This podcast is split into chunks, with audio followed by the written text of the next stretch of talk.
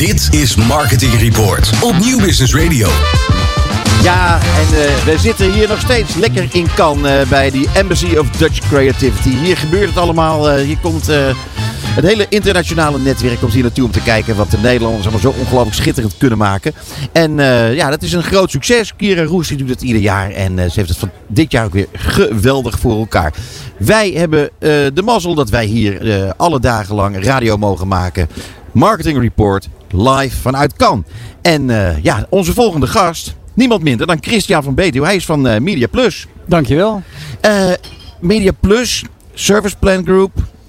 Hoe, kan je even uitleggen hoe het precies zit? Zal ik dat doen? Heel graag. Uh, Service Plan Group uh, is uh, eigenlijk het grootste onafhankelijke bureaunetwerk van Europa. family owned. ja, oh, family owned? Ja. Is, van de familie Haller uit München. Bij, ons hoofdkantoor staat ook in München. We hebben ongeveer 4500 collega's werkend over de hele wereld.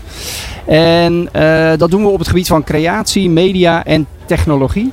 Okay. Uh, en vanuit die drie eenheid werken we samen. Uh, niet in alle markten zijn we op die drie, uh, driehoek actief. In Nederland zijn we vooral vanuit de mediasector natuurlijk bekend.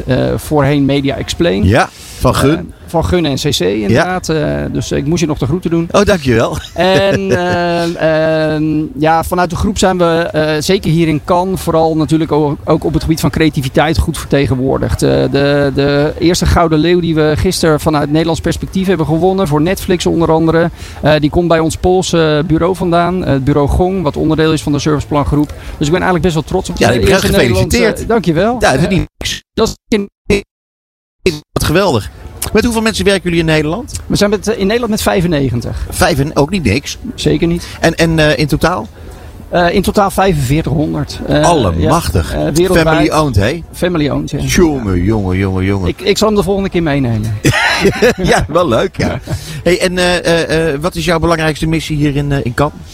Nou, mijn belangrijkste missie is vooral natuurlijk uh, veel leren van uh, al het uh, innovatieve creatieve werk wat hier, hier komt. Maar ik heb een persoonlijke missie sowieso voor de sector en zeker voor ons bestaan als serviceplangroep in Nederland. En dat is om meer menselijkheid en meer duurzaamheid in marketing te, te brengen. Ja.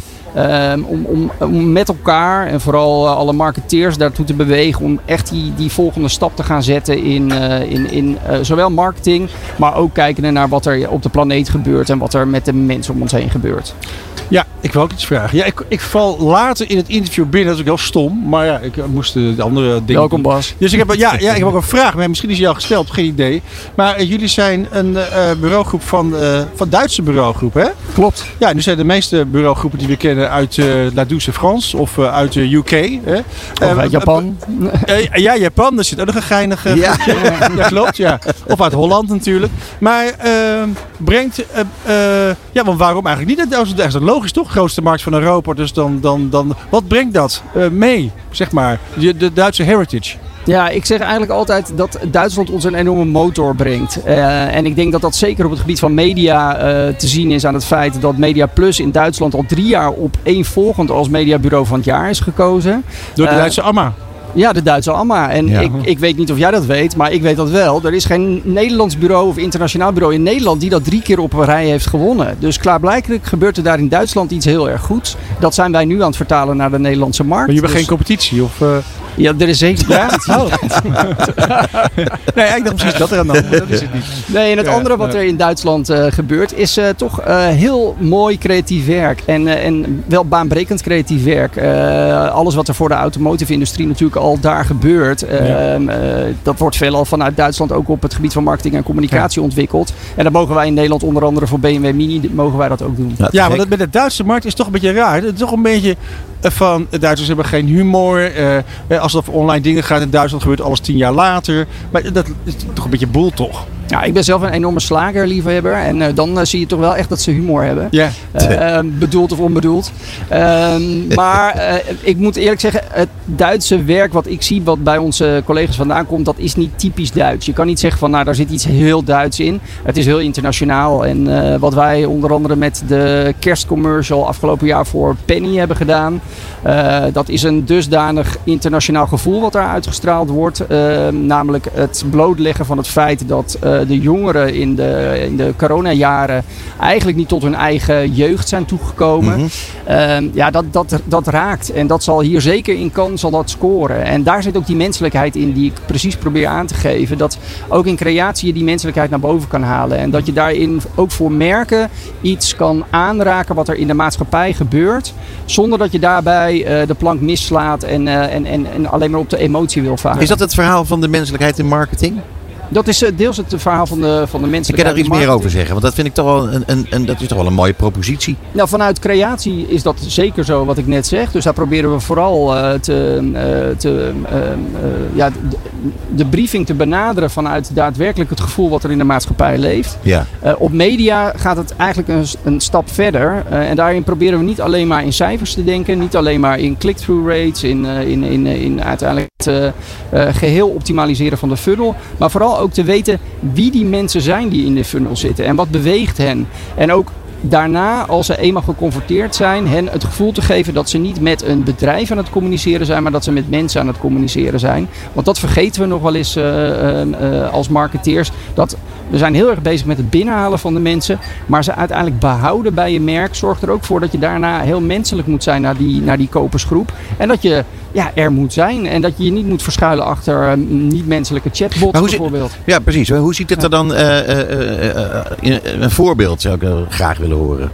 Kun je- kun je daar iets over zeggen? Nou ja, wij doen natuurlijk heel veel onderzoek eh, binnen, binnen Media Plus. Dus eh, eh, de onderzoeksafdeling van Media Explain was al, al zeer bekend. Waarin Ja. we uiteindelijk single source effectmetingen als basis altijd hebben gebruikt voor onze mediastrategieën.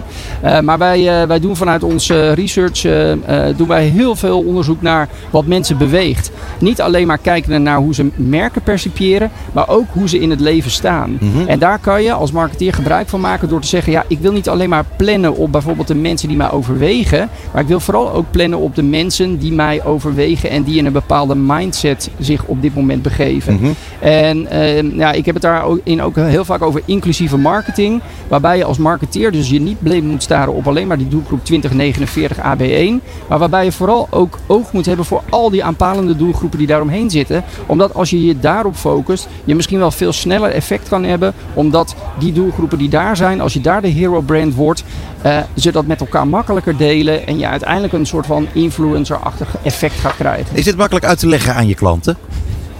Dit is heel makkelijk uit te leggen Ja? aan klanten. Ja. Volgens mij wil Bas ook iets vragen. Ik weet Ja, de niet, hele tijd al. Ja, maar ik wil, oh, ik wil wel zeggen waarom het makkelijk eh, Ja, is om dat uit vind te ik erg- leggen. ik- ja, Omdat de gemiddelde marketeer inderdaad bijna niet meer weet wie zijn klant is. Mhm. En als je ze dat echt spiegelt en ze aan de, aan de tafel zet met hun daadwerkelijke kopersgroep, dan in één keer denken ze van, ah ja, dit, dit geeft mij toch een ander inzicht dan wat ik in mijn briefing had gezet. Want een briefing is vaak heel erg technisch, is uiteindelijk eh, inderdaad het platslaan tot 2049.